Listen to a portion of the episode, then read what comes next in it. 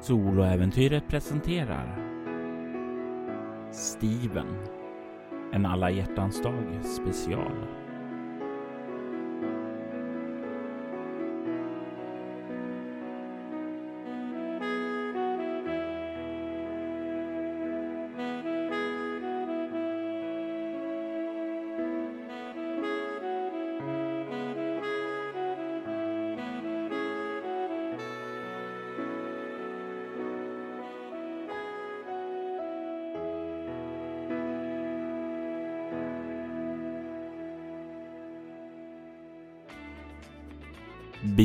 Leta letar sig fram längs med den ja, rätt så ödsliga vägen. Sommarkvällen har svept in och i bilen så sitter ett par. Ett par på väg för en liten semester över helgen. En liten stund från deras liv i San Sebastian. Bakom ratten sitter Steven Crane en polis ifrån San Sebastians lite mer tuffa distrikt. Han är rutinerad och erfaren och han ser så mycket fram emot att få komma iväg. Att spendera lite tid med kvinnan som han älskar. Bredvid honom sitter den här kvinnan, Diane Wylon. Hur ser hon ut? Vad är hon för person. Jag sitter och njuter, gungar med fötterna till musiken. Lite popartat någonting. I bilen så har jag en eh, skräddarsydd kjol. En brunt material, lite grövre. Och en eh, vit eh, sidenblus med urringning. Runt halsen en halskedja tunn med en eh, litet hjärta på i guld. Hon har ingen ringa på sig, men väldigt eh, vackra händer med välvårdade naglar och runt eh, vänster handled så har hon en mycket elegant eh, silverkedja med eh, genomskinliga kristaller med något glittrande inuti. Hennes långa röda lockiga hår eh, fladdrar i vinden och eh, hålls bakåt eh, av ett par solglasögon som är fastsatta i håret. Hon har mm, lite lagom med makeup på sig och jag ler varmt mot Steven. Vi har varit ihop nu några månader och det har varit fantastiskt. Vad arbetar du med? Jag har ju nyligen fått en befordran. Jag har jobbat som en agent för Zero Tolerance och det har ju varit kanske lite mer hårdfört liv för någon som mig mera ute på gatan och ibland kan det bli våld och, och sånt där. Nu har jag fått en ny tjänst på huset, Hearthstone and Winter, eh, som juridiskt ombud. Passar mig mycket bättre. Hearthstone and Winter, en av de mest framstående advokatfirmorna i världen som har sitt huvudkontor här i San Sebastian. Eller inte här, ni är ju trots allt på väg därifrån för att spendera en stund tillsammans ute i en stuga. En liten sån här mysig, härlig stuga. Avskild från alla brinnande brasor och bara umgås med varandra. Steven, han har ju sett fram emot det här hela månaden sedan ni började prata om det och du kan ju se nu när liksom ser dig liksom dansa med fötterna till musiken. Han kollar på dig med ett bländvitt leende där, verkligen fylld av spänd förväntan. Du kan se han verkligen lyser i ett starkt glatt sken. Jag vill att du börjar med att slå ett lätt slag med kropp plus obemärkt. Mm, kropp eh, sju Obemärkt är ju inte min styrka riktigt. Två. 14. Området ni kör igenom nu har liksom lämnat de här lite större vägarna och kommit in på någon lite mindre ut mot den här sjön där eh, stugan ska finnas. Det är ju tänk dig lite så här klassiska små semesterstugor som är byggda runt sjön. Eh, nog där man kör in på en liten Eh, när man kör in på en liten eh, sån här kampstuga där de har liten butik och sådant där och där man hämtar ut nycklarna till sin stuga och eh, därefter kör den sista biten, parkerar vid själva stugan och sen så visst, om man går en bra bit eh, längs de här vandringsstigarna som finns här ute så kan man komma till de andra stugorna, men det är tillräckligt för att det ska kännas avskilt i alla fall. Och ni börjar svänga upp här på den här lilla parkeringen utanför stugan och Steven stannar in bilen och säger eh, snart framme. Eh, jag kilar in och hämtar nycklarna så eh, syns eh, vi snart igen. Eh, vill du ha någonting med? Men du, du kan väl eh, köpa ett paket cigaretter och en cola? Absolut, absolut, eh, säger han och det. Ni båda är ju rökare och han hoppar ur bilen och börjar kliva ut och vandrar bort. Stannar till lite vid den här trappan upp till själva butiken, ler mot dig och kliver in. Jag tittar uppskattande på honom. Han, eh, han har en fin kropp. Och det är ju känslor som är fullt återgäldade från hans sida. Ni båda är personer som tar hand om era kroppar fysiskt, både på egen hand och tillsammans. När han försvinner in och du blir kvar i bilen, vad gör du då? Jag tittar mig omkring, lite uttråkad. Du kan se hur det glider in en eh, bil på parkeringen. En gammal sliten nedgången pickup av något slag där. Kan se att det är lite skräp och sådant ser det ut att bara på eh, flaket där bak då. Och det kliver ut en gammal man. Långt stripigt vitt skägg. Mm. Har någon eh, hatt neddraget som man inte riktigt ser dragen där. Mm. Kan se hur han stannar till när han kliver ut och börjar. Ja, först tänker han kolla bara åt ert håll, men ganska snabbt så fångar du upp att det är dig han kollar på. Jag tittar på honom. Jag höjer på ögonbrynet. Lägger huvudet på sned. Du kan se hur han börjar ta några steg bak till flaket och verkar sträcka sig efter någonting där. Verkar rota efter någonting.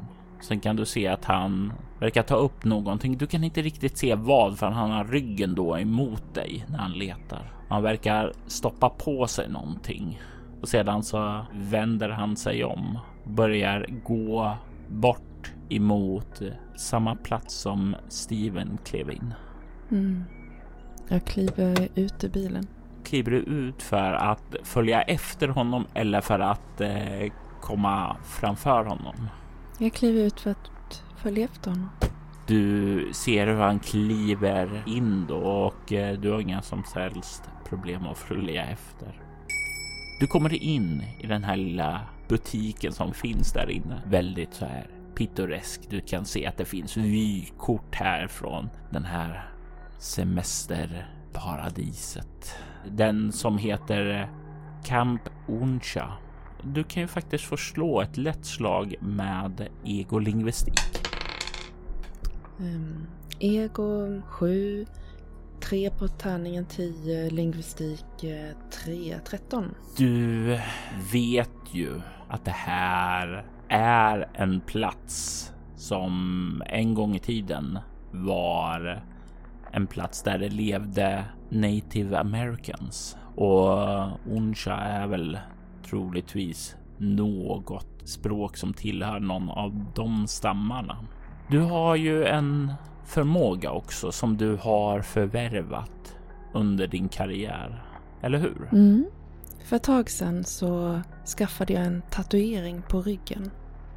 Det är inte en, en liten söt tatuering direkt eller något sådant utan det är ett stort gethuvud som täcker nästan hela ryggen. Det är tur att Steven gillar mig i alla fall.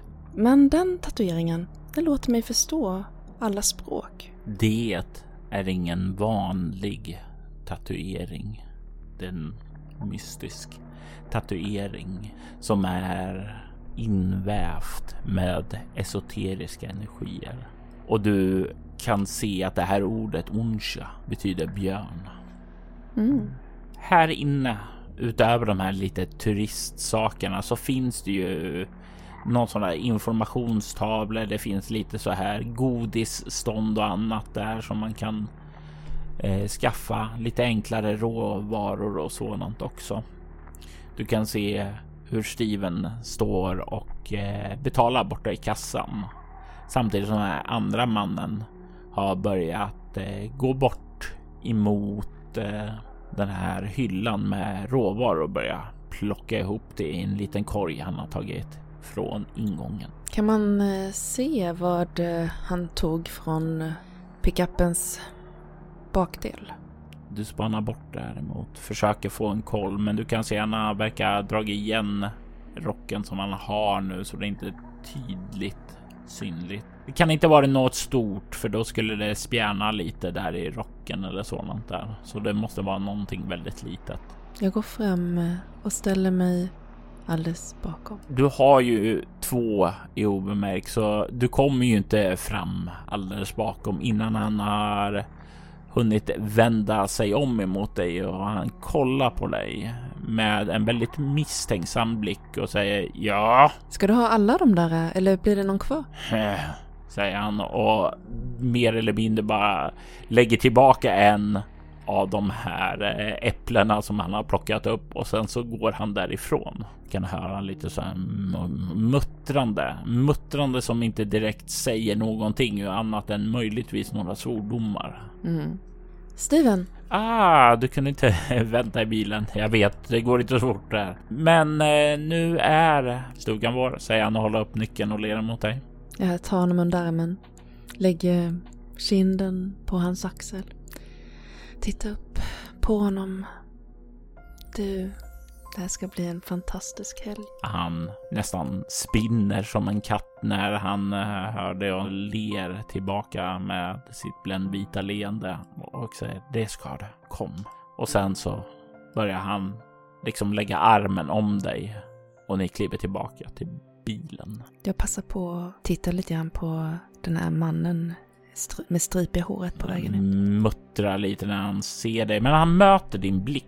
Det är inte som så att du får en känsla för att han verkar rädd för att du ser på honom, utan han möter din blick. Mm. Och du har ju under din uh, tid i Hearthstone inte sett många personer och du har ju en tendens att kunna spänna blicken i folk så att de viker undan sin blick. Men han är inte en av dem. Ni kommer tillbaka ut till bilen och eh, allting verkar väldigt, väldigt lugnt och stillsamt där. Ni kommer tillbaka in. Han eh, räcker över en karta till dig och säger du kanske kan hålla öga på kartan medan jag kör. Eller vill du köra så kan jag hålla ögon på kartan. Jag kan ha koll på kartan. Jag gillar att ha koll. Det är ett av skälen jag älskar dig, säger han och ler. Och han startar bilen och ni lämnar den här lilla stationen bakom er. Och du har ju inga som helst problem att ge vägbeskrivningen och kan snart se den här lilla timmerstugan som ni har hyrt. Det en våning kan se en liten skorsten som sticker upp så det finns säkert en sån här öppen eld där eh, som man kan köra med riktig ved och sådant där. Kan se på baksidan så verkar stranden finnas och kan höra det här lite kluckande ljudet av sjön som slår emot stenstranden där nere. Är det kartan över alla stugorna där? Det är en sån här typisk turistkarta som visar trakten. Här går de olika promenadstråken. Här kommer floden som leder ut i den här sjön och så vidare. Så ja, det finns de andra stugorna utmarkerade på den här kartan. Och den här vägen går vidare så att om man kör bil från där vi var Så måste man köra den här vägen vidare? Den här vägen som ni har åkt ifrån stationen, den leder ju runt hela alltet och sedan får man svänga av från den för att komma till varje stuga. Så det är väl en, ja, typ halvkilometer som, eh, som det tar tills vägen fortsätter vidare till nästa stuga. Hur många kilometer är det mellan stugorna? Det är kanske tre kilometer. Mm. Den här sjön är väl rätt eh, avlång. Det är kanske bara några hundra meter över till andra sidan, men å andra sidan så går den väldigt, väldigt avlångt där. Oh, du, vilken fantastisk vacker plats. Jag hoppades att du skulle gilla den. Ska vi ta och göra en husesyn först eller? Men sen så behöver vi bada. Absolut, säger han. Och han ler och hoppar ur, sträcker sig lite på det efter att ha blivit så här lite stel när man har suttit och kört väldigt långt. Mm. Och han eh, tar och eh, kastar över nyckeln mot dig. Ja, jag, jag fångar den. Och hämtar våra väskor. Jag skyndar fram lite grann till fastun och låser upp. Jag vill att du gör ett svårt slag med ego plus obemärkt. Fem, så jag har 17, nej, 14, förlåt. Det är ett marginellt lyckat slag. Då ställer jag dig frågan. Vill du lägga märke till en sak genom att ta en bestående förlust i valfri egenskap? Mm. I så fall tar jag en bestående förlust i ego. Tar en liten stund, men det är någonting som får din blick att skifta position och kolla upp ovanför själva dörren. Där i dörrkarmen så ser du att det verkar vara att det ser nästan ut som om någon har karvat in ett öga. Jag, jag är ganska lång. Jag sträcker upp handen och, och känner på ögat. Vad har du i överlevnad?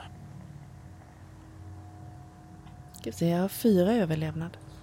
Du kan ju känna att det här verkar inte nyligen vara karvat där, utan eh, väder och vind har liksom gjort det eh, som en del av dekorationen. Eh, med din kunskapsnivå så skulle du nog säga att det är åtminstone 5-10 år gammalt här. Det är ingenting som... Jag har ju en viss kunskap i okultism Mm, du kan ju få slå ett eh, lätt slag med ego plus okultism. Jag fick 16. Du kan tycka att det där känns lite grann som ett väldigt primitivt solöga. Och solöga är en symbol som du är bekant med sedan tidigare. Det är en typ av skyddssymbol mot hot. Mm. Jag rycker på axlarna och går in. Det luktar inget märkligt här inne. Det luktar ingenting märkligt. Faktum är att det luktar väldigt, väldigt gott. Som om det har liksom brunnit något, ja, tallkottar eller sådant som har spridit en väldigt sån här härlig vildmarksarom över själva huset. Då. Det är en väldigt rustik känsla. Mm -hmm. Och du kan ju se där en soffa som är liksom placerad framför den här öppna eldstaden där. Riktad mot så att man ska kunna sitta där och mysa. Du kan se att det är ja, lite grann den här känslan om en gammal eh, jaktstuga. Eh, ligger så här filtar också eh, över själva ryggarna och sådant där. Och du ser det är en ganska öppen planlösning där så bak längre in i vardagsrummet så övergår det till ett kök som är så en liten upphöjning kanske på 10-15 centimeter upp då. Å andra sidan där du kliver in så finns det dörrar in till eh, ja, vad som troligtvis då är ett eh, toa och badrum och sedan sovrum. Jag tar av mig skorna. Ah, skönt för fötterna, vickar på tårna. Tassar fram till soffan. Kastar mig raklång i den. Ah, vad skönt att sträcka på sig. Steven, det här är ju jättefint. Du hör ju hur han kommer in där och ställer ner väskorna eh, och han ler och säger ja, jag ser någonting som är jättefint där, säger han och ler och börjar kliva fram mot dig och böjer sig ned mot dig för att ge dig en kyss. Jag tar en arm, eh, hand runt hans nacke och drar ner honom.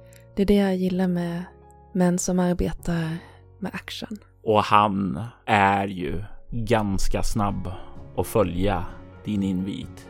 Kyssar glider ned längs halsen och det övergår i en passionerad stund tillsammans. Ni gör er bekväma i stugan, tar tid att spendera det tillsammans. Dags att hälla upp ett glas rödvin och tända en cigarett. Ni gör det, kommer upp i sittande position. Steven börjar rösa upp, hämtar flaskan och häller upp ett glas vin åt er båda. Han ställer ner på bordet. Nu när kvällen börjar glida in där så ser han ju till att börja tända brasan också. Och slår sig sedan ned tillsammans med dig på soffan.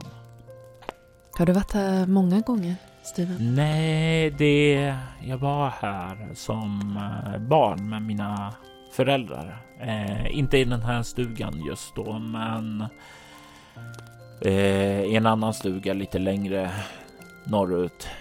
Jag försökte få den, men det var upptagen här tyvärr. Annars så hade jag kunnat visa dig lite vad jag sprang omkring som en liten grabb då. Men det är någonting det är väldigt avkopplande här och jag, jag kände att jag ville dela det med dig. Vad så fint sagt, Steven. Mm. Du är väldigt rar. Mm. Men du, Mhm. jag undrar, hur ser du på mm, nattbad? Du kan se ett leende spricka upp där va? Ja, du vet att jag är inte den som bangar. Absolut. Kom igen då. Sisten i är en rutten sill. Säger han och eh, börjar eh, röra sig upp där för att dra igång. Ja, jag börjar springa. Ni kan slå ett kropp rörlighet mot varandra. Och om jag inte drar mig till minne så har du en specialisering som kan vara relevant här. Springa för livet. Ja, och det är upp till dig om du vill använda den. Om du verkligen vill vinna. Jag tänker att eh, jag vill att det ska vara ganska nära. Men eh, jag tänker hoppa i, i med kläderna på. Mm. Eller de kläder jag har kvar, vad vet jag. Ja, ni är ju inte fullt påklädda någon av er vid det här laget. Ja, du kan ju slå då, för jag tänker slå för honom, för han, han är lite så här tävlingsinriktad. Eh, för han vet att eh, det är någonting som han kan göra med dig eftersom du, du kan hålla dig själv i sådana här situationer. Han slår en tvåa och kommer upp i 14. Jag har kropp 7, rörlighet 4. 11 i grunden. Nej, men jag vill vinna. Eh, fem på två tärningar. Eh. 16. Och det är ju ett marginellt lyckat för dig då. Du kommer att vara den som kastar i dig först. Men det är på håret och det som gör att du verkligen vinner är ju för att han kastar sig inte i med kläderna utan han stannar ju till där på stranden för att dra av sig eh, linnet och eh, kalsongerna och dyka i. Och då far du förbi och han bara nej! Och sen så säger det plask där och han bara Åh! och sen så kommer han ju och hoppar ner där. Det är ju tidig augusti år 2006 och det är ju sommarvärme fortfarande. Det är varmt i vattnet. Du känner ju hur du liksom bara omgäldas av vatten. Gillar du att simma? Ja, jag gillar att simma. Jag tycker att drunkna är sådär, men simma är bra. Jag, jag dyker djupt och tar starka simtag. Håller andan och kommer upp igen. Och när du kommer upp igen så får du ju så här vattenskvätt rätt i ansiktet där va. Hörru du fuskis! Nej, det var du som eh, var för långsam. Hallå, utan kläder. Eh, du kan inte bada med kläderna förstår du väl, säger han och skvätter lite mer åt dig. Går ju utmärkt. Ja, ja, ja. Du vann väl. Det är väl jag som är rutten sill. Tror inte att det är så mycket sill i den här sjön förutom du. Nej, kanske det. Kanske det. Det är väl mest annan fisk, säger han och liksom, eh, liksom börjar röra sig närmare dig och sen liksom nafsar lite dig i sidan där med sin hand. Där. Jag dyker ner och bort och simmar runt under vattnet. Mm. Eh, och jag tänker här att du får slå ett kropp obemärkt emot honom för att se om du kan överraska honom. Äsch. Eh, mm. Kropp obemärkt. Och du ska återigen komma upp i 14. Okej. Eh, kroppen är sju, obemärkt är två, upp är nio. Och ja, jag fick fem. 14 båda där. Då är min fråga till dig. Vill du ta en bestående förlust för att överraska honom? Mm. Nej. Du är på väg fram för att överraska honom.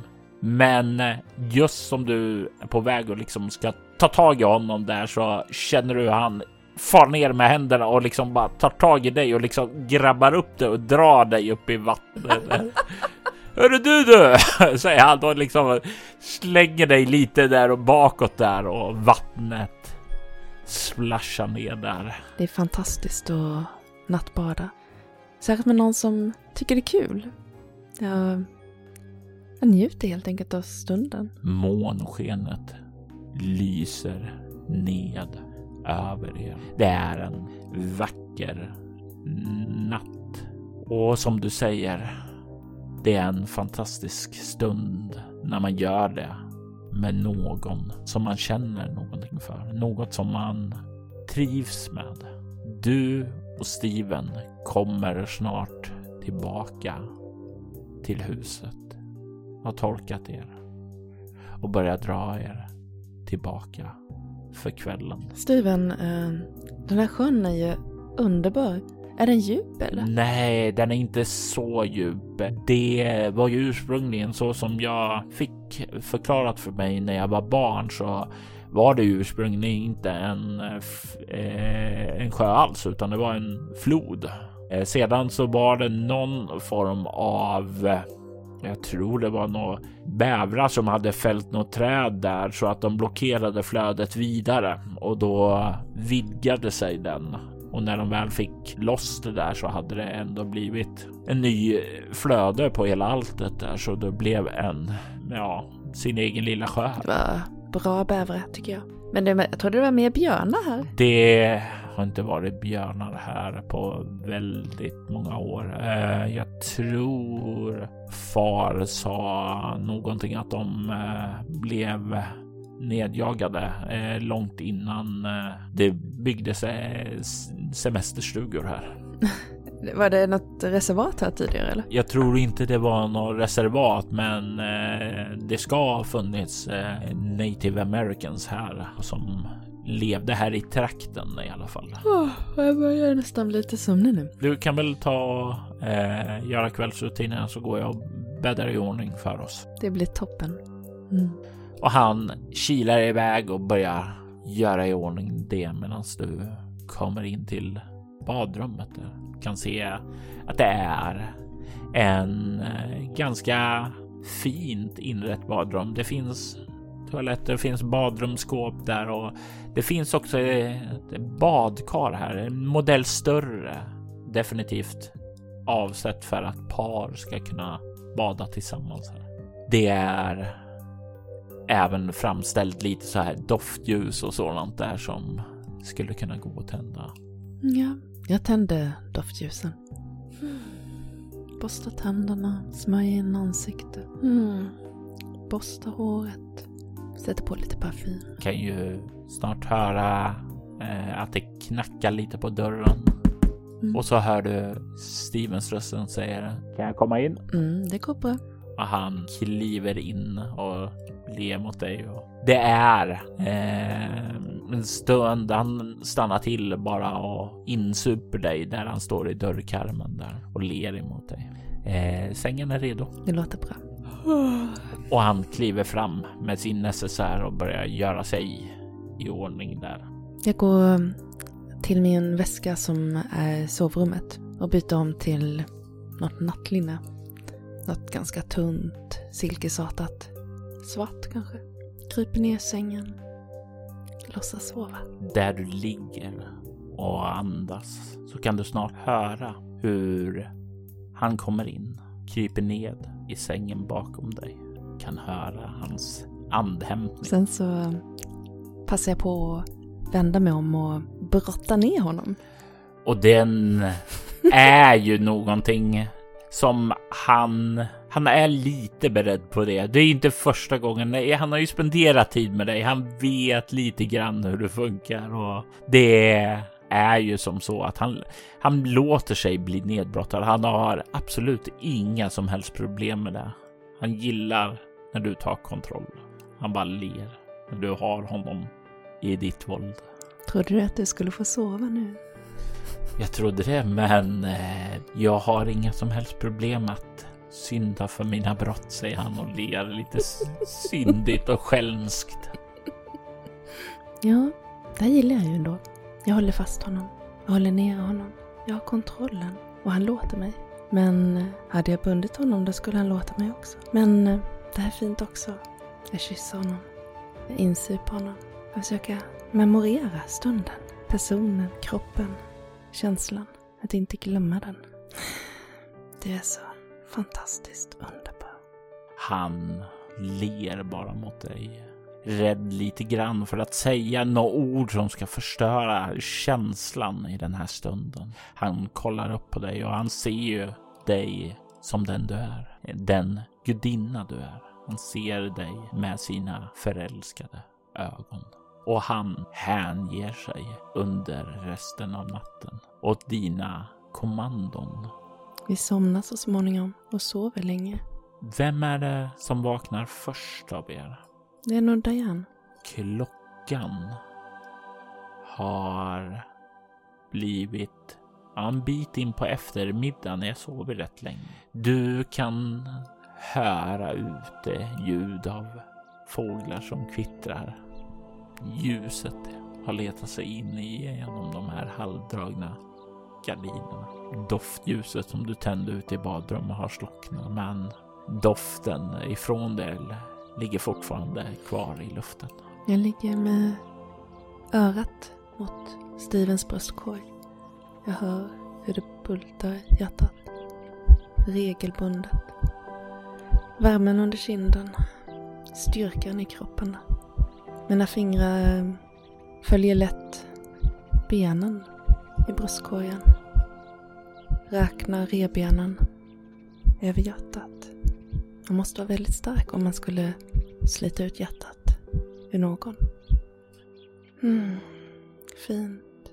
Jag reser mig upp och går på toaletten och går ut på förstukvisten och tar en cigarett. Du tänder cigaretten står där ute i nattlinnet fortfarande. Mm. Du tar ett bloss. Kan lägga märke till att det verkar ligga någonting på farstubron. Det ligger ett par kvistar som verkar vara ihopbundna med en hårlock. Mm. Vad då för hårlock? Vilken färg? Den är mörkbrun. Jag lyfter upp den. Mm. Luktar. Det luktar... Ja, låt oss se vad du kan uppfatta för lukt. Jag vill att du slår ett ego plus överlevnad.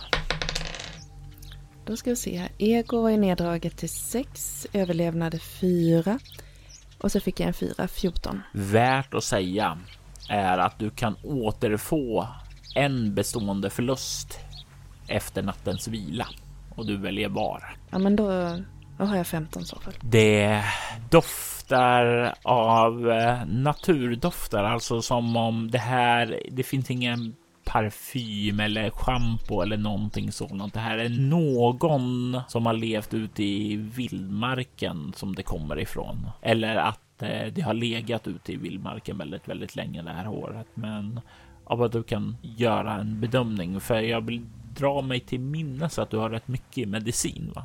Mm, det har jag. Fyra. Man behöver det. Du kan ju avgöra att det här håret ändå är ganska färskt. Kanske mm. ett par dagar. Det går ju att skilja mellan vad som skulle kunna vara native american. För det måste ju vara mycket grövre. Mm. Och du skulle nog inte tro att det är det. Ja, jag försöker eh, symbolisera det här någonting på något sätt. Du kan förslå ett svårt slag med ego-kultism. Ajda.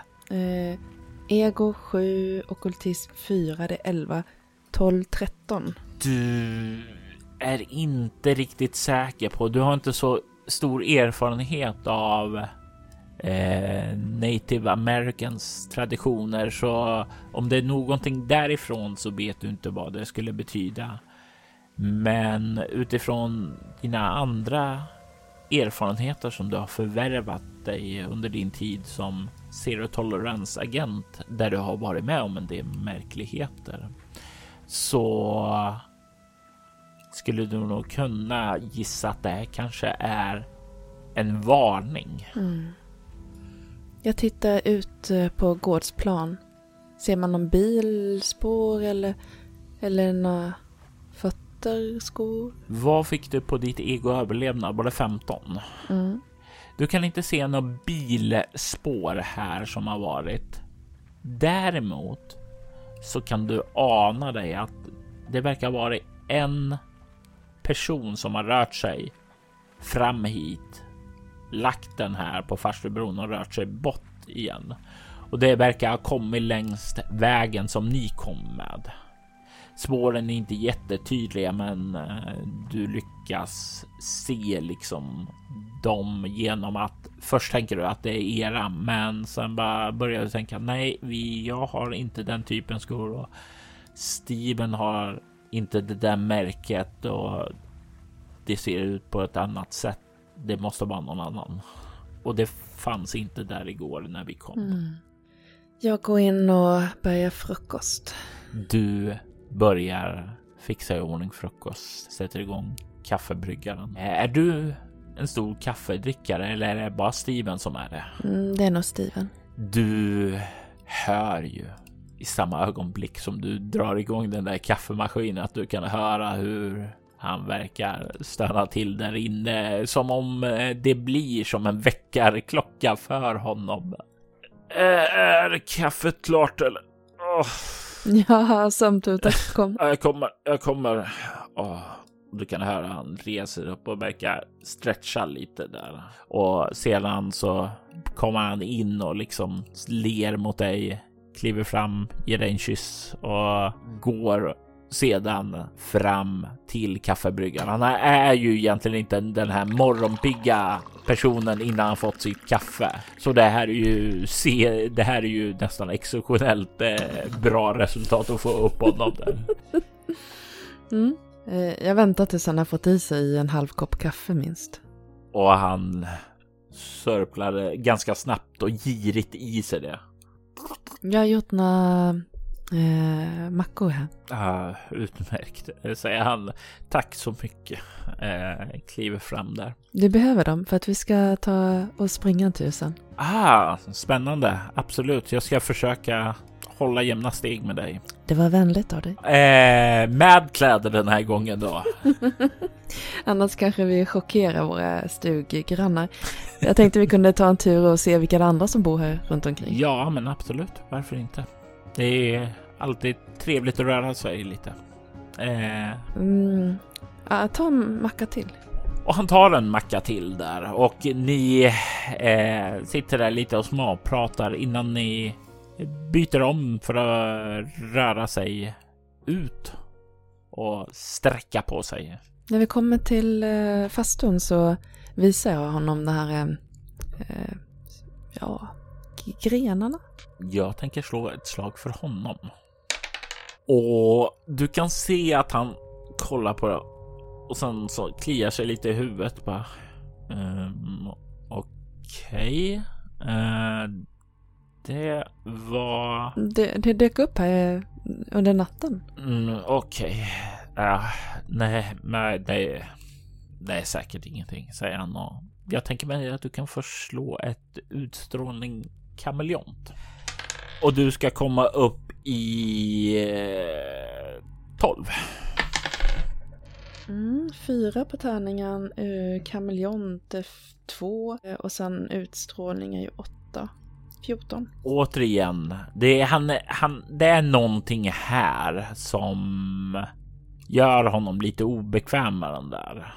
Har du sett någon sådan förut, Steven? Nej, nej, eller. Grenar har jag ju sett eh, många gånger där, men nej. Men det, det ser ut som ett varningstecken. Varningstecken? Är det någon av våra grannar där som eh, kände att eh, vår lek där ute i natten var för mycket så kan de ju få dra något gammalt över sig. Jag tror att vi kan ta en joggingtur och se vad vi har för grannar. Kom igen nu. Du får ju när han försöker skoja bort det, men det är någonting med det där som han känner ett visst obehag kring det. Men det är någonting som är väldigt, väldigt djupt rotat i honom, någonting som han inte vill veta av. Eh, så han liksom bara försöker skjuta det bort. Inte så att han vill hålla det hemligt för dig, utan mer att han vill inte tänka på det. Mm. Du ser hur han glatt då bara, bara släpper lös det där och ni börjar springa där. Det är ju eh, rätt skönt för dig dels att faktiskt kunna springa med någon som kan hålla relativt jämna steg. Och det är ju det. Ni kanske kan pressa varandra lite också där och ta fram det bästa ur er. Eh, jag tänker mig att eh, du kan få slå ett eh, ja, utstrålning obemärkt för att observera lite om det, det är era två grannar. Jag får se nu. Obemärkt är fortfarande två, ja. Eh, utstrålning 8. Mm, 15. Du kan ju snappa upp att eh, de två grannarna jag har.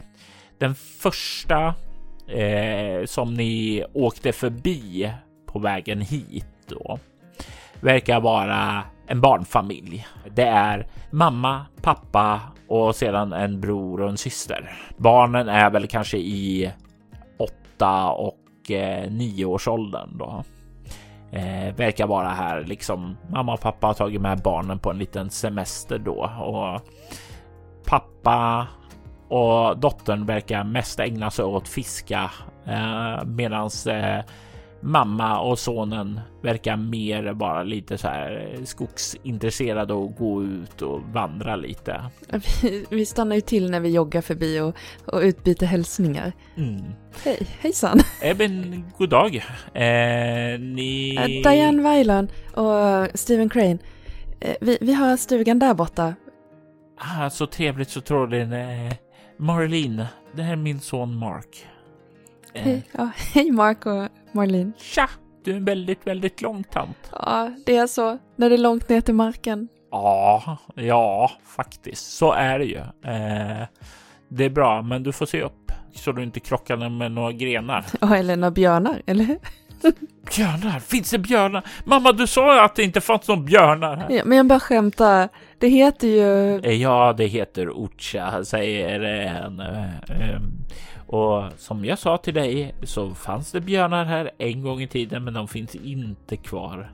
Är det sant? Säger han och kollar på dig. Ja, du ska lita på din mamma. Du kan se hur Steven står där i bakgrunden och liksom ler lite så här nöjt med eh, sättet du interagerar med den lilla ungen där. Och eh, är det någon som kanske är lite så här mindre nöjd där så är det väl mamman där bara.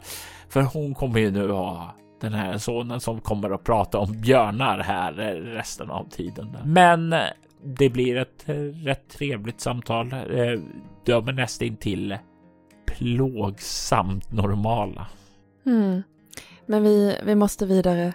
Annars så tappar vi pulsen. jag förstår, jag förstår. Eh, ha det så trevligt. Hej då. Och ni börjar röra er vidare.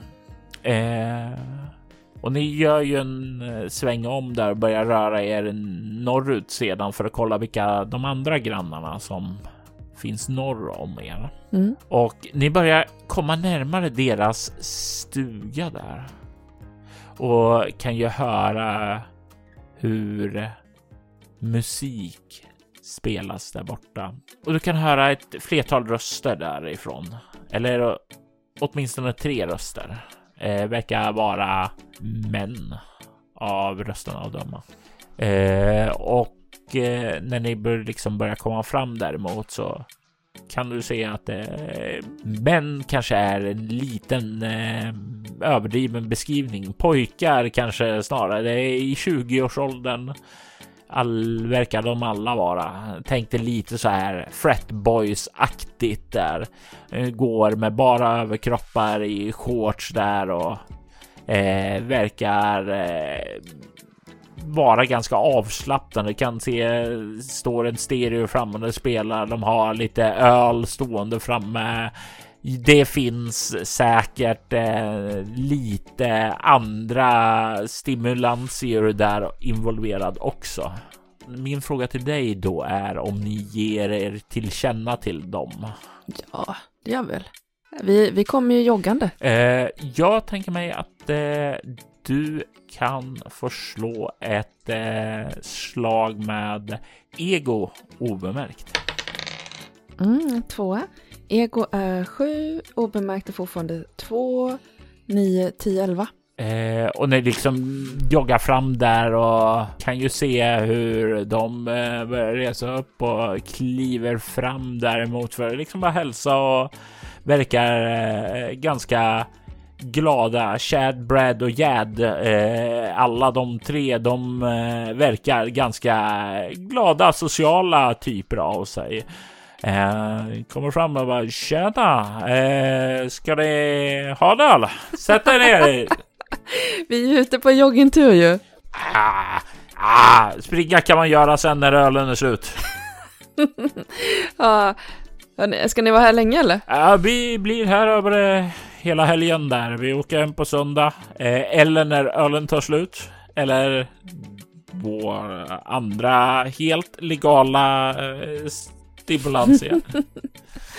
Vi kan se hur polisen Steven höjer lite så här på ögonbrynen, men han är ju trots allt på semester. Han är inte inne i sitt distrikt. Han tänker inte förstöra sin helg genom att säga någonting om att han är polis. Ja, men ni eh, är inte rädda för björnarna då? Nej, eh, om det finns eh, björnar här. Björnar? Nej, jag är ingen björn. Nej, vi lämnar Björn hemma. Uh, du, du kan se, de står där och pladdrar så väldigt förvirrat där. Hade det här varit en skräckfilm så hade ni varit de första björnarna tagit. Nej, det, det är okej, okay, okej, okay, det är okej okay om de tar den. Jag har sett allt världen har gjort åt mig. Jag har sett allt som Världen har jag erbjuda och jag är på toppen av mitt game, säger Brad och är högt ljudd deklarerande. Och Diane som har sett så, så mycket mer ser ju att det är bara rent skitsnack. Han har ju ingen som helst pejl på hur världen funkar. Du får känslan av en trust fund kid, alltså någon som lever på pappas pengar. Men det är inte det enda som du lägger märke till här. Eh, du kan se ett liknande symbol karvat ovanför dörren på den här stugan som på den ni hade. Mm. Uh, jag går framåt stugan. Ser er stuga likadan ut som vår? Äh, ingen aning. Äh, Får man kika in? Ja, ja, ja. Kolla inte in på uh, toaletten. Verkligen inte. Uh, um, jag stryker med handen på uh, dörrkarmen.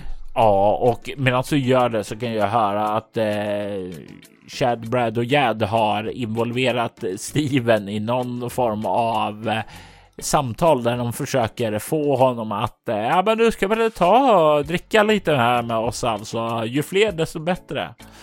Och han liksom bara, nej, kanske inte riktigt här. Jag och damen här kanske ska dra vidare snart då. Steven, kom nu tar vi och joggar vidare. Du, får, du har inte blivit så gammal att du måste vila här vid varje stuga. Nej, verkligen inte, säger han. Lättad klart över att eh, du kommer och räddar honom från Chad, Brad och Jad.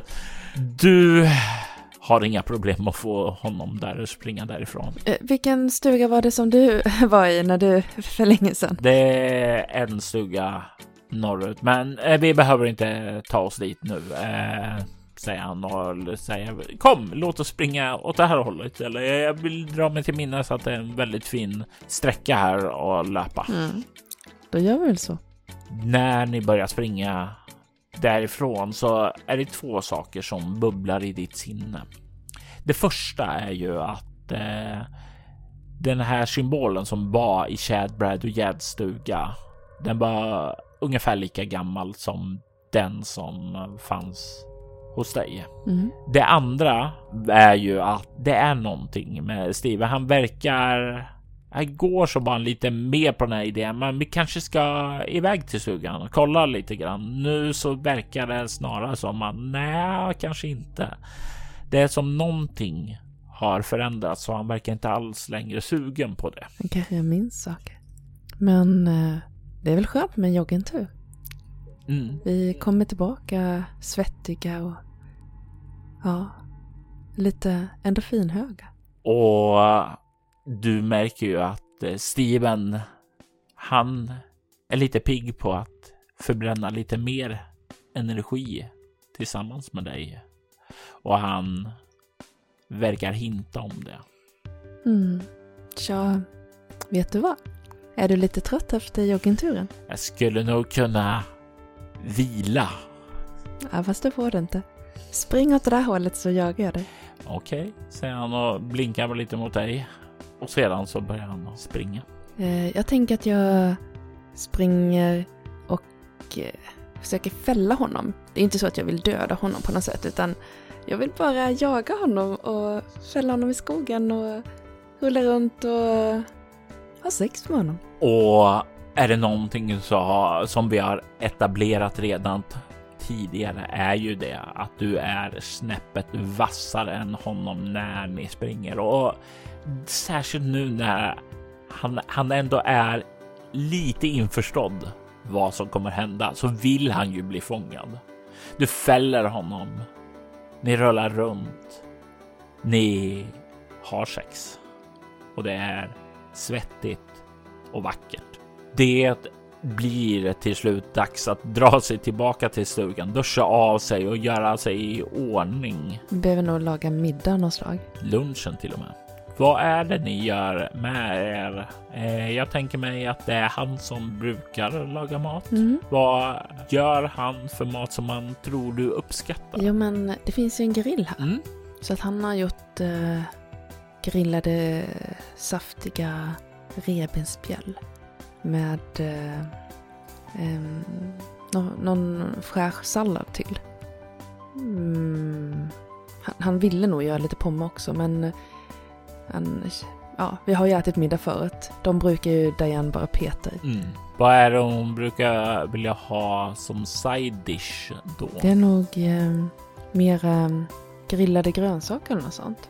Men det hon mest gillar det är ju det här nästan blodiga köttet. Att eh, hon, hon gillar att äta från benet. Att riva loss köttet med tänderna och senor och brosk och att slita i köttet. Och det är ju väl därför det är mest kött och inte väldigt, väldigt stor eh, side dish, men att det ändå finns några grillade grönsaker och sånt där.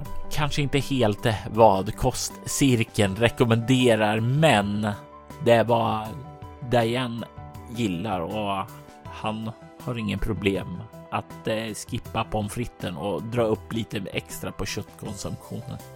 Han och du har en trevlig eftermiddag. Det är avkoppling, det är endorfiner, det är lek och adrenalin. Det är en vacker sommareftermiddag som börjar glida in mot kvällen. Där. Jag tänker mig att du kan få ta och etablera var vi glider tillbaka till er nu på kvällen. Vad är det ni gör för någonting? Eh, nu när mörkret har börjat svepa in över er stuga. Vi eh, sitter där med vasset eh, glas whisky framför brasan och har det nedsläckt och håller på att berätta skräckhistorier för varandra. Eller läskiga saker. Är ni båda typen som gillar att berätta om eller är det Diane som berättar om lite mer och försöker eh, skrämma upp honom? Han har ju en del att berätta själv som polis och sådär. Mm. Eh, och jag, jag lyssnar ju väldigt uppmärksamt. Är det några särskilda detaljer som du brukar gilla som du har märkt nu under ert förhållande att han eh, snappat upp och därmed börja gå in i djupare detaljer om? Ja, han, han vet att jag är väldigt intresserad av eh, mordfall och så. Det blir ju liksom typiskt, åh oh, gud vad hemskt och, och sådär men ögonen lyser.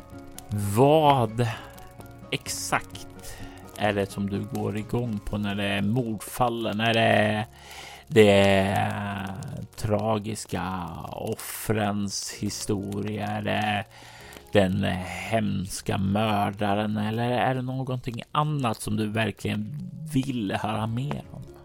Jag har försökt hejda mig lite grann och inte vara för på om att det är ganska intressant med kroppar och detaljerna runt om hur de blev lemlästade och dödade. Men eh, jag lyssnar ju på när, när det blir svårt. Inte de här enkla fallen utan när mördaren har nästan kommit undan och de, polisen lyckas fånga dem i sista sekund. Och han har ju kanske inte varit den bästa sagoberättaren direkt i början där, men du märker ju att det är en väldigt stor skillnad nu gentemot i början då ni började att dejta. Han har blivit bättre på, han lägger mer ansträngning, han gör det lite mer utbroderat istället som en kall klinisk polisrapport som det var i början. Du märker att han har växt. Som berättare? Jajamän. Steven, du är verkligen bra på det. Det går som kalla kårar längs min rygg. Känn på min arm, det knottrar sig. Och han drar handen över själva armen och liksom känner de här små knottringarna och du kan känna hans lätta beröring känns väldigt behaglig där. Mm. Jag undrar om det finns några myter om den här sjön och det här området. Du kan se att han liksom släpper den här strykningen över handen, drar tillbaka handen lite och säger ehm, lite mer whisky, säger han och eh, reser sig lite så här abrupt upp. Mm. Ja, men det kan vi nog behöva båda med whisky. Eh, absolut, jag går och hämtar det, säger han och reser sig och börjar kliva bort emot köket. Du blir kvar på soffan, kan höra sprakande ljudet ifrån elden. Mm. Du kan även lägga märke till hur se ett ljussken ute genom fönstret på baksidan ute på stranden. Kanske kan vara någon typ av ficklampa som liksom flashar lite och sen så slocknar den. Mm. Jag ska bara gå ut en stund, jag kommer strax. Och i vanliga fall så skulle han väl protestera, säga någonting. Men den här gången så kan du höra han bara mm, det blir bra. Jag, jag fixar i ordning så länge. Jag går ner till stranden. Du kliver runt huset och kommer ut på bakgården där du kommer ner till stranden. Du kan förslå ett eh, slag med kropp plus ja, antingen obemärkt eller naturvetenskap. Då hoppas jag att naturvetenskap är bättre än obemärkt, men eh, naturvetenskap är så då väljer jag obemärkt på 2. Kropp sju. Oh, de här tärningarna är magiska. 15. Du kan se att det finns fotsteg där som eh, leder upp ifrån vattnet. Men du kan även se fotsteg som har kommit längs med stranden. Det är ju en stenig strand så det är ju ingen fin sandstrand direkt, men det är ändå så här lite fuktigt så, så du kan se liksom lite nedtryck där. De som kommer nerifrån vattnet är barfota. De som kommer längs med stranden är inte det. Och de verkar ha mötts och du kan se en ficklampa ligga där. Men du kan inte se spåret av någon av de här ägarna till fotspåren. Mm. Jag kollar på ficklampan. Du kan förslå ett lätt slag med bara ego för att dra dig till minnes en detalj. Det där var nog en sexa också. Ego 7, mm, 13. Du tror dig känna igen ficklampan från Chad, Brad och Jads hem. Jag tittar på mina spår och så kollar jag ut. Ser jag någonting från vattnet? Vattnet verkar lugnt vid första anblick. Alltså, ser du någonting som verkar flyta lite längre ut på sjön? Jag tar ficklampan och lyser ut på sjön. Och när du för det så kan du se ljuskäglan. Den når inte riktigt ut till det. Det är lite för långt ut där, men det verkar kanske vara några kläder. Det är en kropp som ligger och flyter. Hmm. Var det inte lite egoistiskt då att spara allt det här till mig? Hmm. Jag uh, går upp till stugan. Du kommer tillbaka till stugan där och du kan uh, se hur Steven har satt sig ned i soffan nu, hällt upp whisky i glasen. Älskling, Mm. ta det lite lugnt med drickan. Ja, ja, ja, ingen fara. Där säger han och ställer ifrån sig glaset. Det, det är någonting här nere som jag vill att du ska se. Okej, säger han och reser sig upp och du kan se att han, när du säger så där så är det någonting som får honom att reagera. Det är väl kanske polisen i honom som hör att det är någonting. Och du kan väl se att han verkar skifta läge mer till yrkesrollen då. Där. Ta med någon av våra ficklampor. Han eh, kliver iväg, plockar fram en ficklampa som eh, finns vid ingången som han lagt upp och sen säger jag ska bara hämta en sak och sen så kliver han in till sitt eh, sin rum och plockar upp sitt eh, tjänstevapen som han har haft med sig. Steven, jag såg något ljus som en ficklampa nere vid vattnet.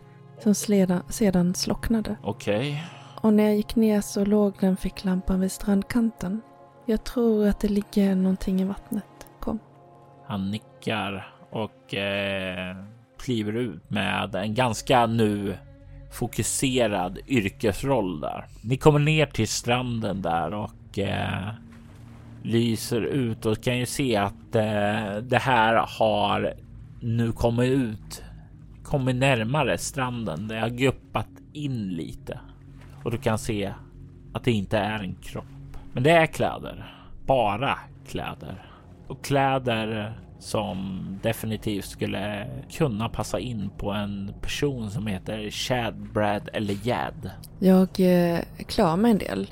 Så att jag kan eh, simma ut efter eh, kläderna.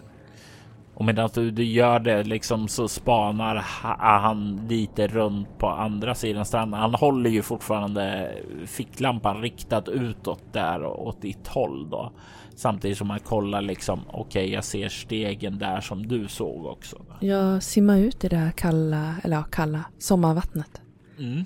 Får jag tag i kläderna? Du får tag i kläderna och du tror att de här kläderna tillhör Brad. Han som hade sett allt. Han som inte var rädd för att björnarna skulle komma och ta honom. Jag ler här i mörkret. Luktar det blod? Nej.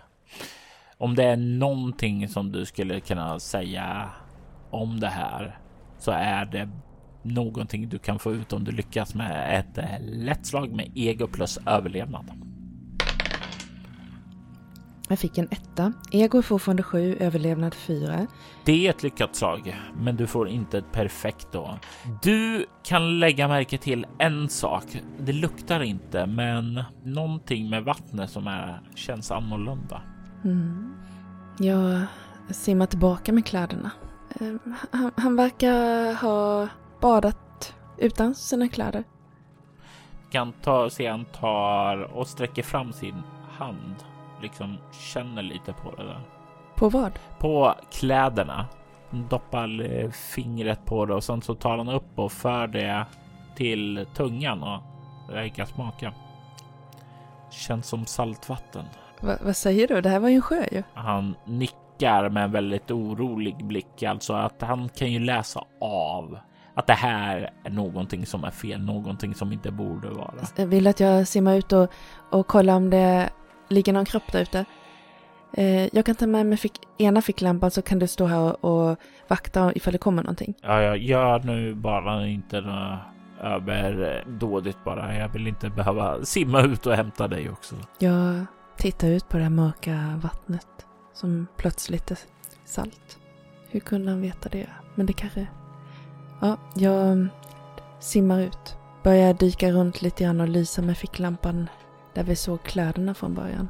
Jag vill när du dyker ned där att du slår ett mycket svårt slag med kropp plus obemärkt. Obemärkt är min fantastiska styrka, eller hur? Eh, Fyra och så, vad sa du, var det kropp jag skulle ha? Ja, Ehm, då blir det 11 med kropp och så ska jag ha obemärkt och det blir 13 du simmar ner där. Du ser inte särskilt mycket, men det lyses upp lite av den här ficklampan. Du försöker få en känsla av om det kan finnas någon kropp här. Men när du liksom simmar omkring där så är det mest gyttigt och dyigt där. Det är ju definitivt inte särskilt djupt heller. Det känns inte som djupt. Alltså det är ju visst, det är några meter, men det är kanske tre meter djupt. När du har kommit ut hit så är det ju ganska öppna ytor så du tänker att du borde ju se om det inte är som så att det är nere i själva dyn då. Börjar du och liksom ta dig ner till dyn och känna där eller eh, är det mest bara att du spanar lite allmänt här uppifrån? Men vem skulle kleta ner honom i dyn? Det skulle ju vara som om det fanns några undervattensmonster här. Mm. Äh, jag simmar tillbaka. Du eh, vänder dig om för att simma tillbaka. Du känner plötsligt att någonting tar tag i dig, tar tag i ditt ben där och börjar dra dig tillbaka. Jag skriker. Du skriker och när du skriker så inser ju du att du befinner dig under vattnen. Du öppnar munnen och känner ju hur vattnet bara går in dig där. Du känner ju hur det här börjar dra dig nedåt, ned i dyn.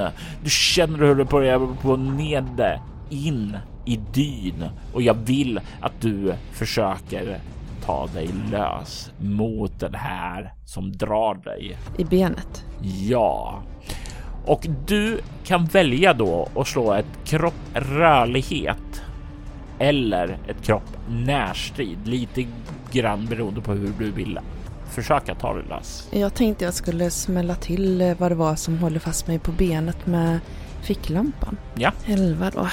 Mm. Oj, jag fick en etta.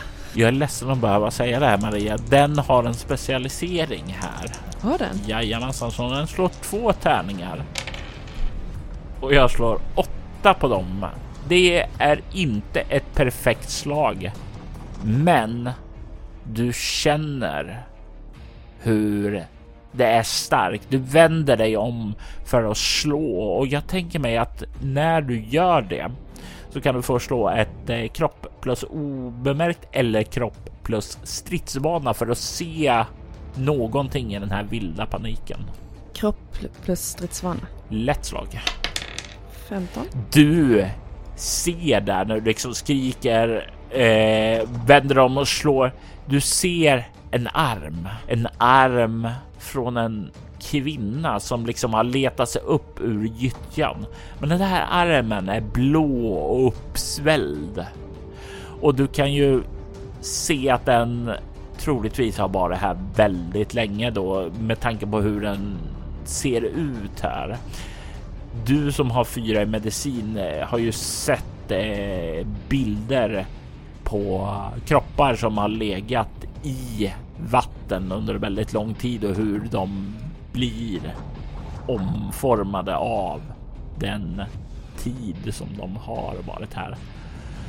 Du ser det, men att den här ändå verkar vara vid liv. Den drar dig och den håller dig i ett hårt grepp. Det är som du sitter i ett skruvstäd och den drar dig nedåt i dyn. Du kan notera att du tar två bestående förluster i kropp när den har dragit ned ja, dig i dyn till ja, halvvägs till vaderna och du slår och bankar där och den börjar nu vara nere i dyn.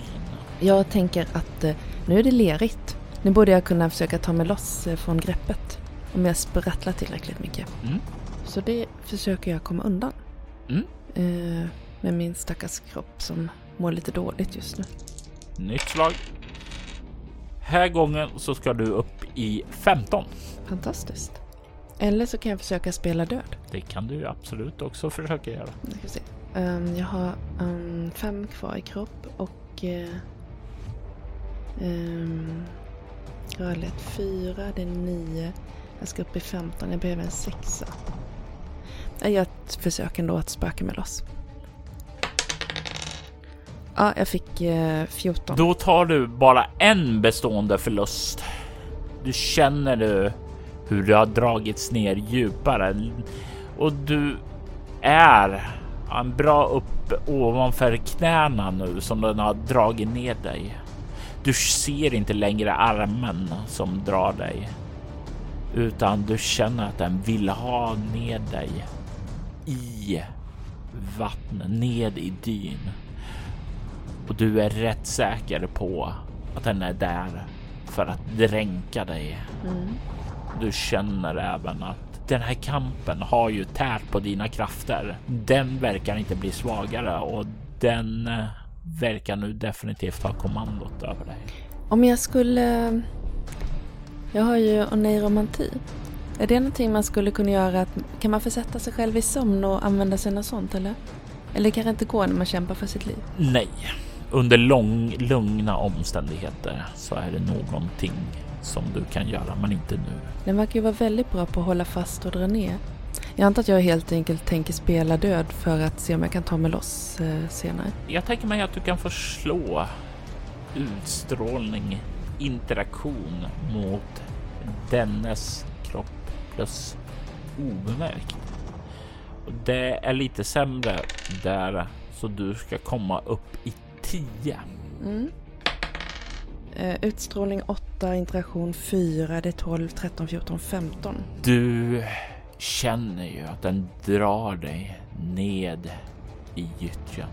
Du känner hur gyttjan liksom glider in under dina kläder och liksom du börjar bli ett med dyn. Du är vagt medveten om att luften börjar bli allt mindre. Du känner hur du är på väg att drunkna. Och jag tänker låta dig slå ett skräckslag med kropp. Just för att simulera hur rädd du är för att dö här. Är det ett fruktansvärt, ett chockartat eller ett omskakande skräckslag för dig? Hur rädd är du att du kommer att dö här? Jag har blasé. Två tärningar, tärningsslag med, mot, med övernaturliga skräckslag. Här är det ju visserligen någon typ av övernaturligt, men det är egentligen skräckslaget är ju för att eh, döden i sig, drunkningen och den är naturlig. Vad sa du att jag hade att välja på? Alla tre Från omskakad den lägsta till fruktansvärt som är den värsta. Det är ju rätt obehagligt att drunkna.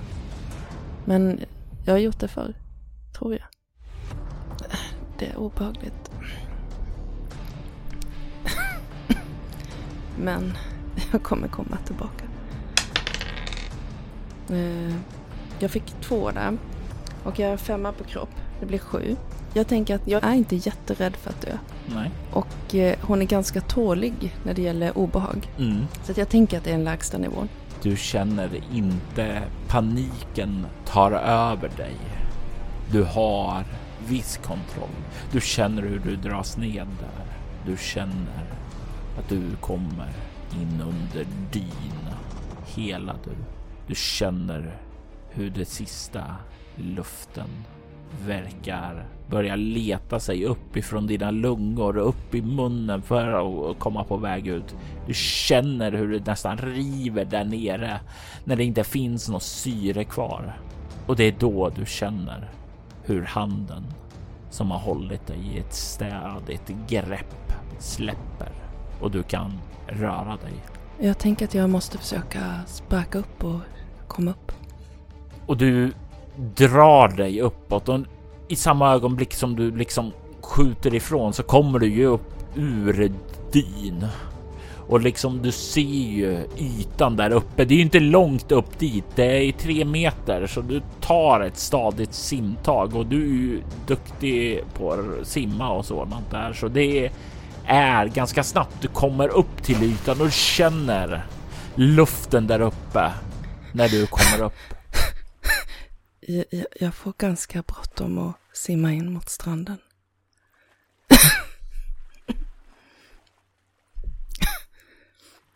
jag drar mig upp på den steniga stranden och hostar upp vatten. och du. Du börjar sakta återfå liksom andningen och återhämta dig. Du kan få tillbaka två bestående förluster i kropp när liksom du sakta återhämtar din andning, återfår kontroll över dina lungor. Och det är då när du liksom börjar återfå kontroll som du liksom lägger märke till att du är ensam på stranden. Du kan inte se Steven någonstans. Mm. Har han också dykt i vattnet? Vad är hans ficklampa? Du börjar kolla och du kan se att ficklampan ligger på marken där. Nämen. Det där tycker jag var att jaga på andras marker. Du kan höra en bil starta. Är det han som kör iväg? Ingen aning. Jag springer upp. Du börjar rusa där och du kan höra hur bilen som har startat börjar backa upp och vända. Du kommer runt på baksidan för lagom att se hur en eh, pickup truck börjar köra därifrån. Eh, lämna platsen där. Det är inte din bil som åker, men någon, en bekant pickup truck verkar ha köra därifrån. Kan jag springa ikapp? Du kan inte hinna springa kapp. Den är lite för långt bort för att du ska hinna fysiskt och springa i fatten. Jag vrålar. Stanna! Och bilen börjar åka därifrån. Du ser ju genom fönstret där bak in passageraren och du känner igen den där mannen. Den där mannen på stationen där som blängde så surt på dig. Han är föraren och han som verkar åka i spårsträck nu. Du ser som sagt var, han är på väg bort. Du ser er bil som står där och det är väl enda sättet att rusa in, hämta nycklarna och sådant för att försöka hinna kapten. Jag gör det. Ja, och då vill jag att du börjar med att slå ett kropp rörlighet bara för att se hur eh, snabbt du gör det. Eh, ska vi se, kropp eh, nere på 6, rörlighet är 4 och sen en 2 på det. Eh, jag tänker mig att du får faktiskt använda din specialisering också för att du är duktig. Helt en, en etta till. 13. Ehm, ja, eh, då är ju min fråga till dig. Eh, vill du, för det är ett marginellt lyckat, vill du eh, bränna en bestående förlust i valfri egenskap för att liksom inte tappa avstånd Ego. till honom. Du får tag i nyckeln där, rusar tillbaka till bilen, kastar dig in och du ser ju ljuset där i mörker liksom börja röra sig bortåt där och jag vill att du slår ett kroppfordon härnäst. Och fordon är inte jag bra på. Eh, kropp är fortfarande 6. Eh, en femma på tärningen det är 11 och fordon är 1. Det är 12. 12 är också vad den här mannen får. Du kan välja här mellan att eh, ta en bestående förlust och liksom komma ikapp honom.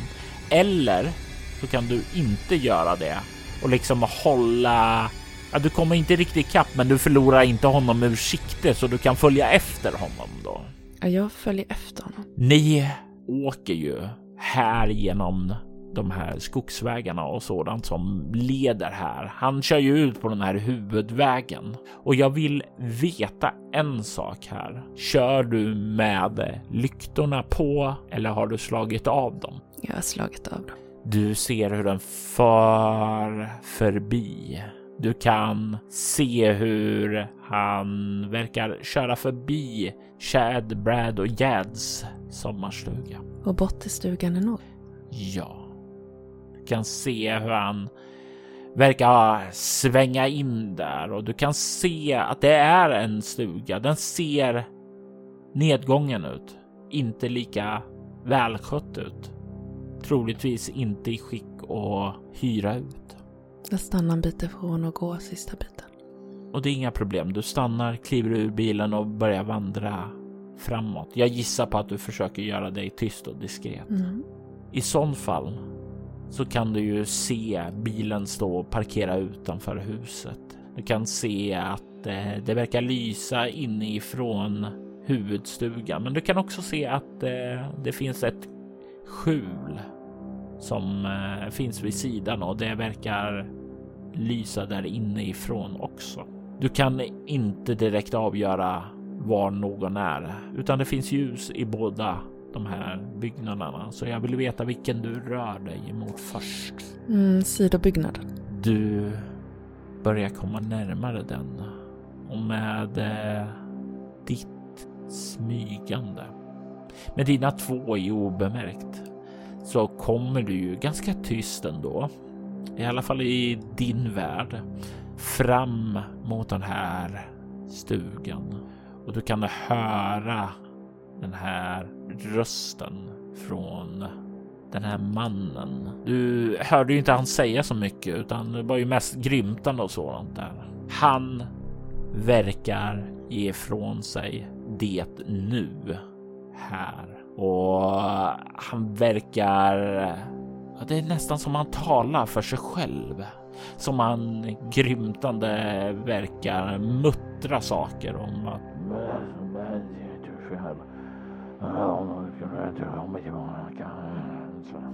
du kan höra hur ljudet av en kniv som dras mot slipstål. Du kan höra hur slipstålet liksom tar och stannar. Du kan höra någon rörelse ske där inifrån och i nästa ögonblick så hör hans röst. Ja, vem är det? Jag heter Diane. Det, det har hänt något fruktansvärt vid sjön. Kan, kan du hjälpa till? Nej, gå härifrån. Va, vad är det vid sjön? Försvinn säger jag. Det har ingenting här att göra. Men, men... Jag tror de dödade folk där. Ja, Kan du inte bara berätta vad det är för något? gå härifrån. Jag, jag, jag kommer imorgon. Jag kan komma imorgon och prata. Jag har affärer att göra här nu. Men, men jag vill... Jag är rädd och själv nu. Bara berätta vad det är så går jag härifrån. Ja, det är någonting som inte ska störas. Hur kan du veta det? Ja, så, så, så, sagan. Så. Gå, gå, gå härifrån så jag kommer. Jag har saker att göra först. Du kommer? Imorgon? Ja, Okej. Jag lämnar dörren. Och så tittar jag in i eh, fönstret i huvudhuset. Och det är ju några meter där bort. Du börjar röra dig fram dit. Kan se in i en ganska enkel stuga. Det är inte så lika fint möblerat som det är hos er eller hos Chad, Brad och Jed eller den andra barnfamiljen. Du kan ju se dock att det verkar stå ett sånt här rejält askfat som om någon är en stor rökare där inne. Det står även några buteljer där uppe. Det ser nedgånget och slitet ut. Några flugor kretsar ovanför tallriken som åts tidigare idag men inte har plockat undan. Men tillräckligt en sån här tidig augusti i rötmånadens tecken eh, dra till sig flugor och sånt. Mm. Jag går tillbaka till bilen. Kör tillbaka till huset. Jag är blöt och lerig. Jag går ner och tittar på stranden igen. Du kan se när du kommer nere där att det finns två stycken nya fotsteg. Eller rättare sagt en stycken nya fotsteg. Ett par fotsteg som troligtvis tillhör den här mannen som verkar ha lett upp till din partner. Den här mannen med det stripiga håret som har gått fram till uh, Steven. Han verkar ha rört sig upp bakifrån och slagit Steven. Vad hände sen med kroppen? Kroppen verkar ha trillat omkull, men sen ser det inga spår därefter, utan det är som om han har blivit upplockad. Mm. Du kan väl kanske ana att eh, mannens fotsteg är tillbaka är tyngre. Jajamensan. Så han och Steven? Ja, och du är nu rätt säker på att han var väldigt, väldigt defensiv. Han ville inte att du skulle komma in. Du får en känsla av att, men vänta, han, Steven är nog där inne med honom och du åkte tillbaka hit. Hur får det dig att känna Diane? Jag gjorde miss.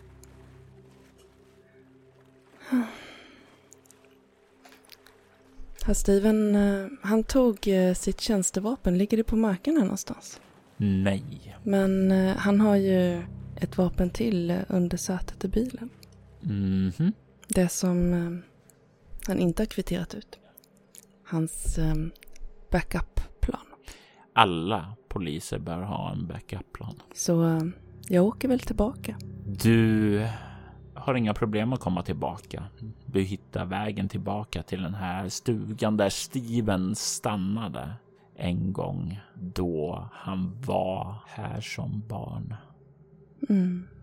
Jag gissar att du parkerar en bit bort precis som förra gången för att kunna röra dig fram diskret. Jag antar att jag tar fram en sten eller något sånt där för att kunna slå upp fönstret. Till eh, bostadshuset. Jag tänkte nog till eh, eh, skjulet. När eh, du liksom rör dig vid sidan för att kolla in där fönstret är så kan du ju se att eh, det är såna här fönsterluckor igendragna och reglade omkring det. Eh, det är svårt att ta sig in i stugan eller i skjulet. Genom fönstren så tar det ju definitivt, eh, kommer det att höras att du öppnar de här reglade om du inte är mirakulöst duktig på att öppna saker. Men vi har ju etablerat att du obemärkt inte passar så väl om. Fast jag är ganska mirakulöst bra på mekanik. Mm. Eh, jag skulle väl kunna låta dig eh, använda mekanik istället för obemärkt eh, för att försöka få upp dem ljudlöst. Eh, annars så är det dörren på främre sidan eller den enda andra grejerna som du inte har kollat är taket eller baksidan av det här skjulet. Okej, jag kollar baksidan också. Jag tänker att jag ändå behöver kolla lite grann. Du rör dig runt och du kan se att det verkar stå en sån här räfflad stålyta. Du vet en sån här grej som man brukar lägga uppe på tak. Eh, sådant som uppenbarligen har en gång legat där uppe men liksom glider ned om man bara ställt upp den där bak och du kan ana där bakom att det är litet, ja, litet, eh, ett hyfsat stort hål in där. Kan man gå in där? Ja, om du lyckas flytta på den här stålgrejen. I så fall går jag in det hålet. Du skjuter undan det och börjar huka dig ner för att ta dig in och du kan ju ana att det, ett ljussken där inne kommer ju från en sån här lampa som hänger ifrån taket. Du vet en sån här man drar en liten eh, tråd där bara för att klicka det så att det tänds eller släcks.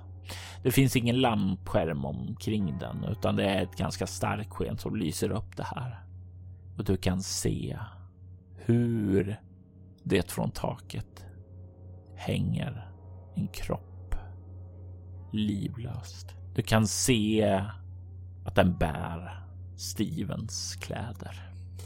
Och du kan se hans skjorta verkar ha öppnats och hänger ned vid sidan. Vad gör farbrorn? Det finns ingen farbror här. Jag hör inga andra andetag.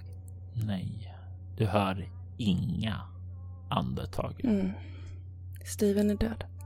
Din kunskap i medicin gör dig rätt säker på att han är det. Du hör inga andetag och om den här mannen var orolig att du skulle stoppa honom och ville driva dig härifrån så drog han nog inte ut på det här.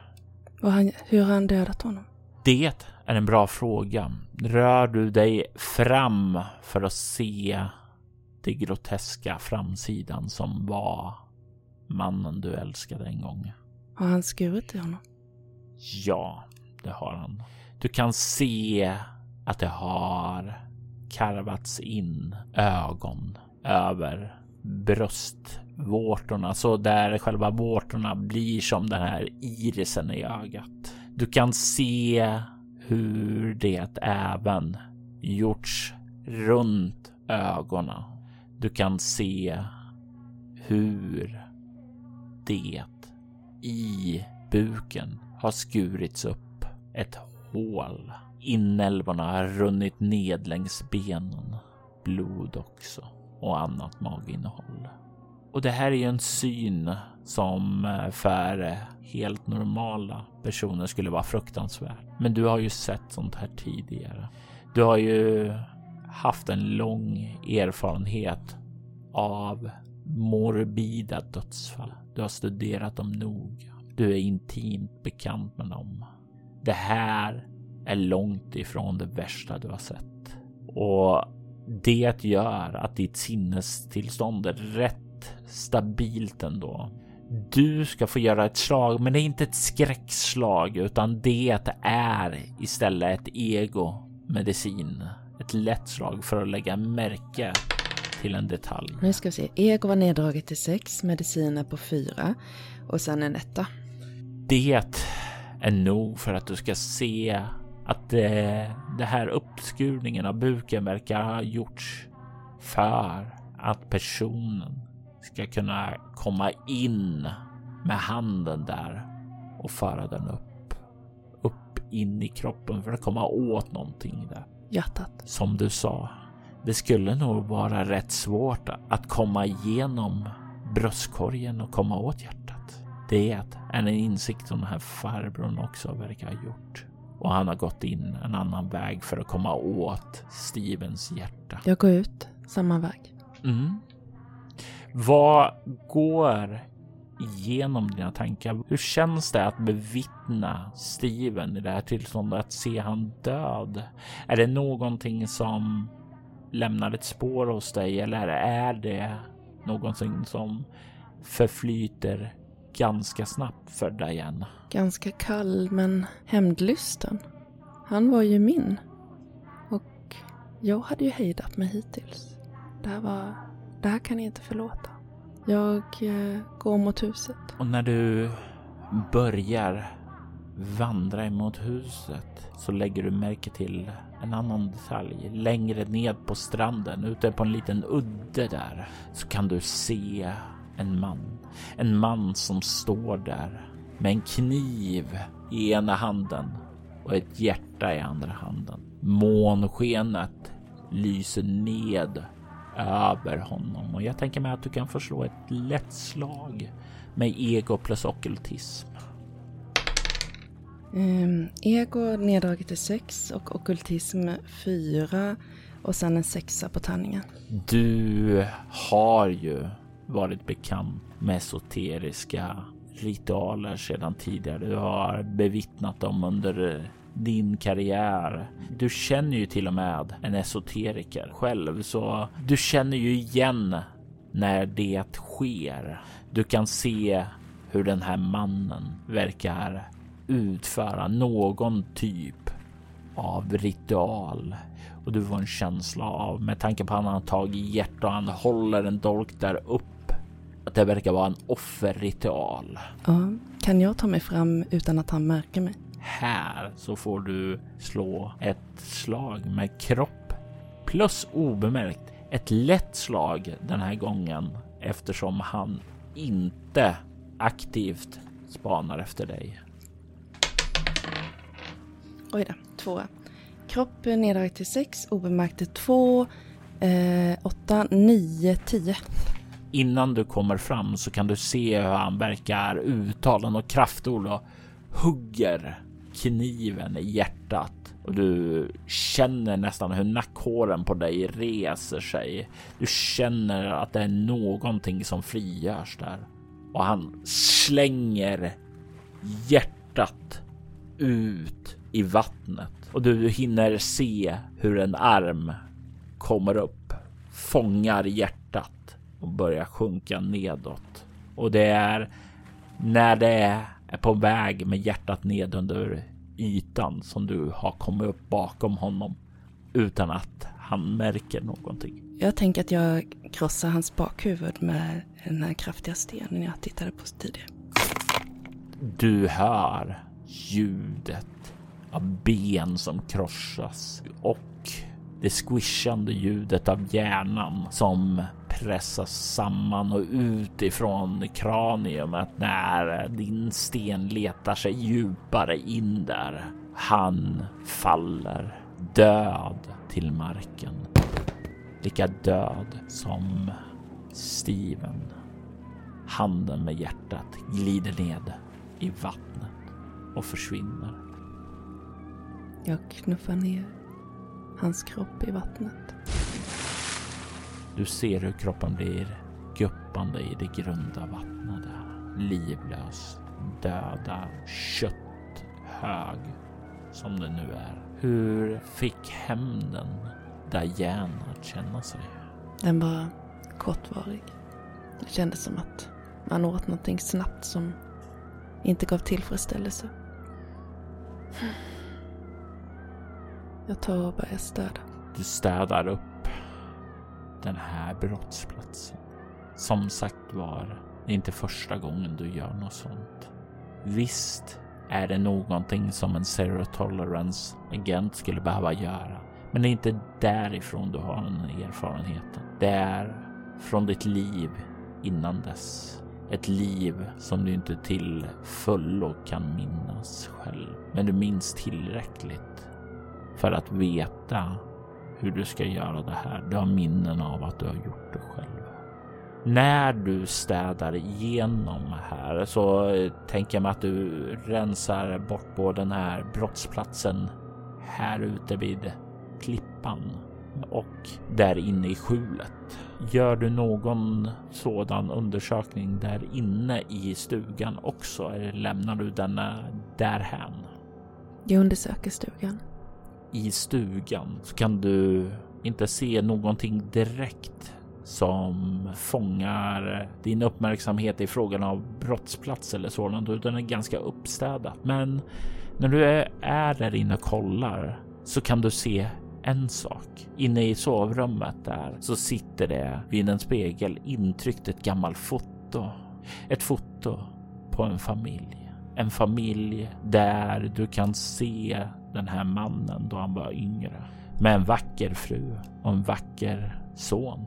En son som ser väldigt, väldigt lik Steven då han var ung. Du kan se att det finns ett släktskap där nu. Det är säkert det bästa utbytet om man offrar sitt eget blod. Tror jag. Jag bränner ner huset med deras kroppar i. Diana gör ett grundligt arbete med att städa undan spåren av vad som har hänt här och även av en familj med tragiskt förflutet som Diane aldrig riktigt får veta vad det var till fullo. Hon fick aldrig veta varför Steven inte ville konfrontera de där kvistarna. Varför han inte ville till stugan. Och Steven, han hade glömt det själv. Han mindes bara de härliga minnena som han hade här med familjen. De härliga minnena som fanns där innan hans far upptäckte det väsen som fanns där i dyn. Det väsen som han lovade sin fru till. Det väsen som han skulle offra sin son till, men misslyckades. Nu när Steven kom tillbaka så såg han sin chans. Lågorna bränner ut de sista spåren av familjen Crane och Diane vandrar tillbaka till bilen med lågorna brinnande bakom sig. Bevisen är undanröjda och det är dags att bege sig tillbaka hem till San Sebastian. Smekmånaden är över.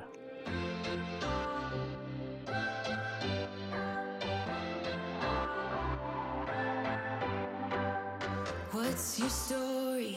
What's your sign? It's like we're twin flames in a different life.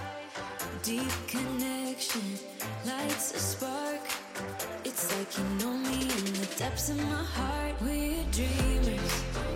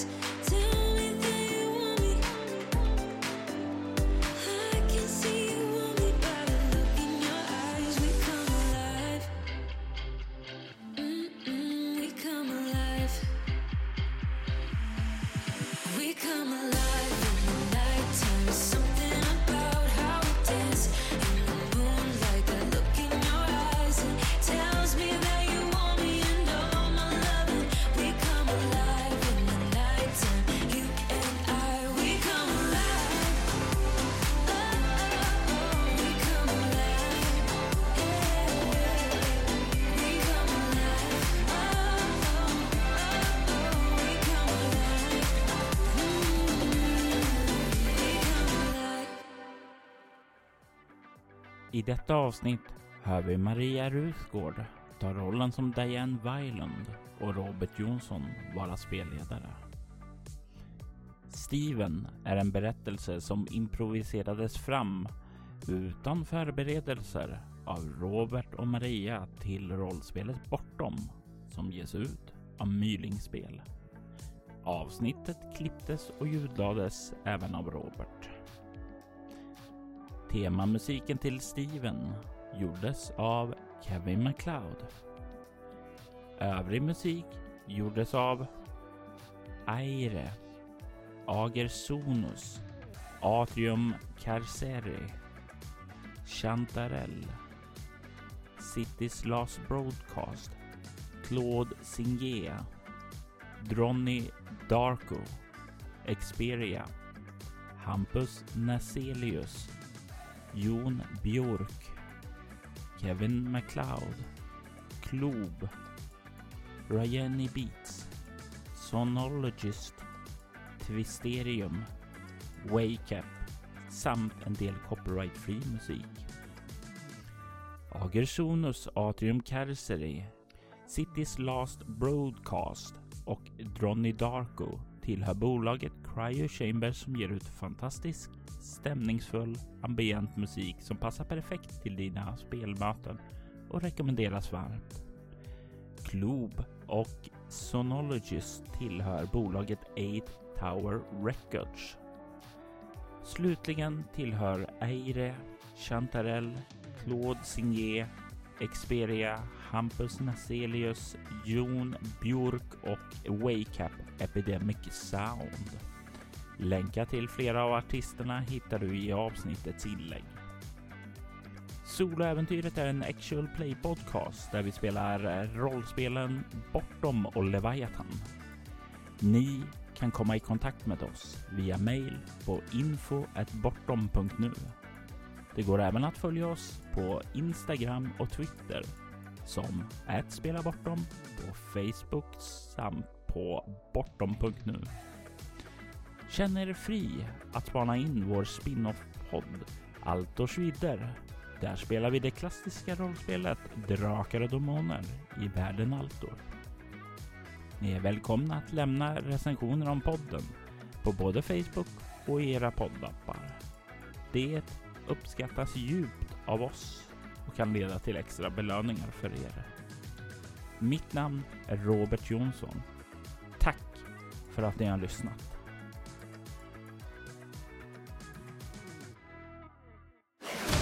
Vi vill ta tillfället i akt att tacka, hylla och hedra våra Patreon-backare. Martin Stackelberg Ty Nilsson Daniel Pettersson och Daniel Lantz. Ert stöd är djupt uppskattat.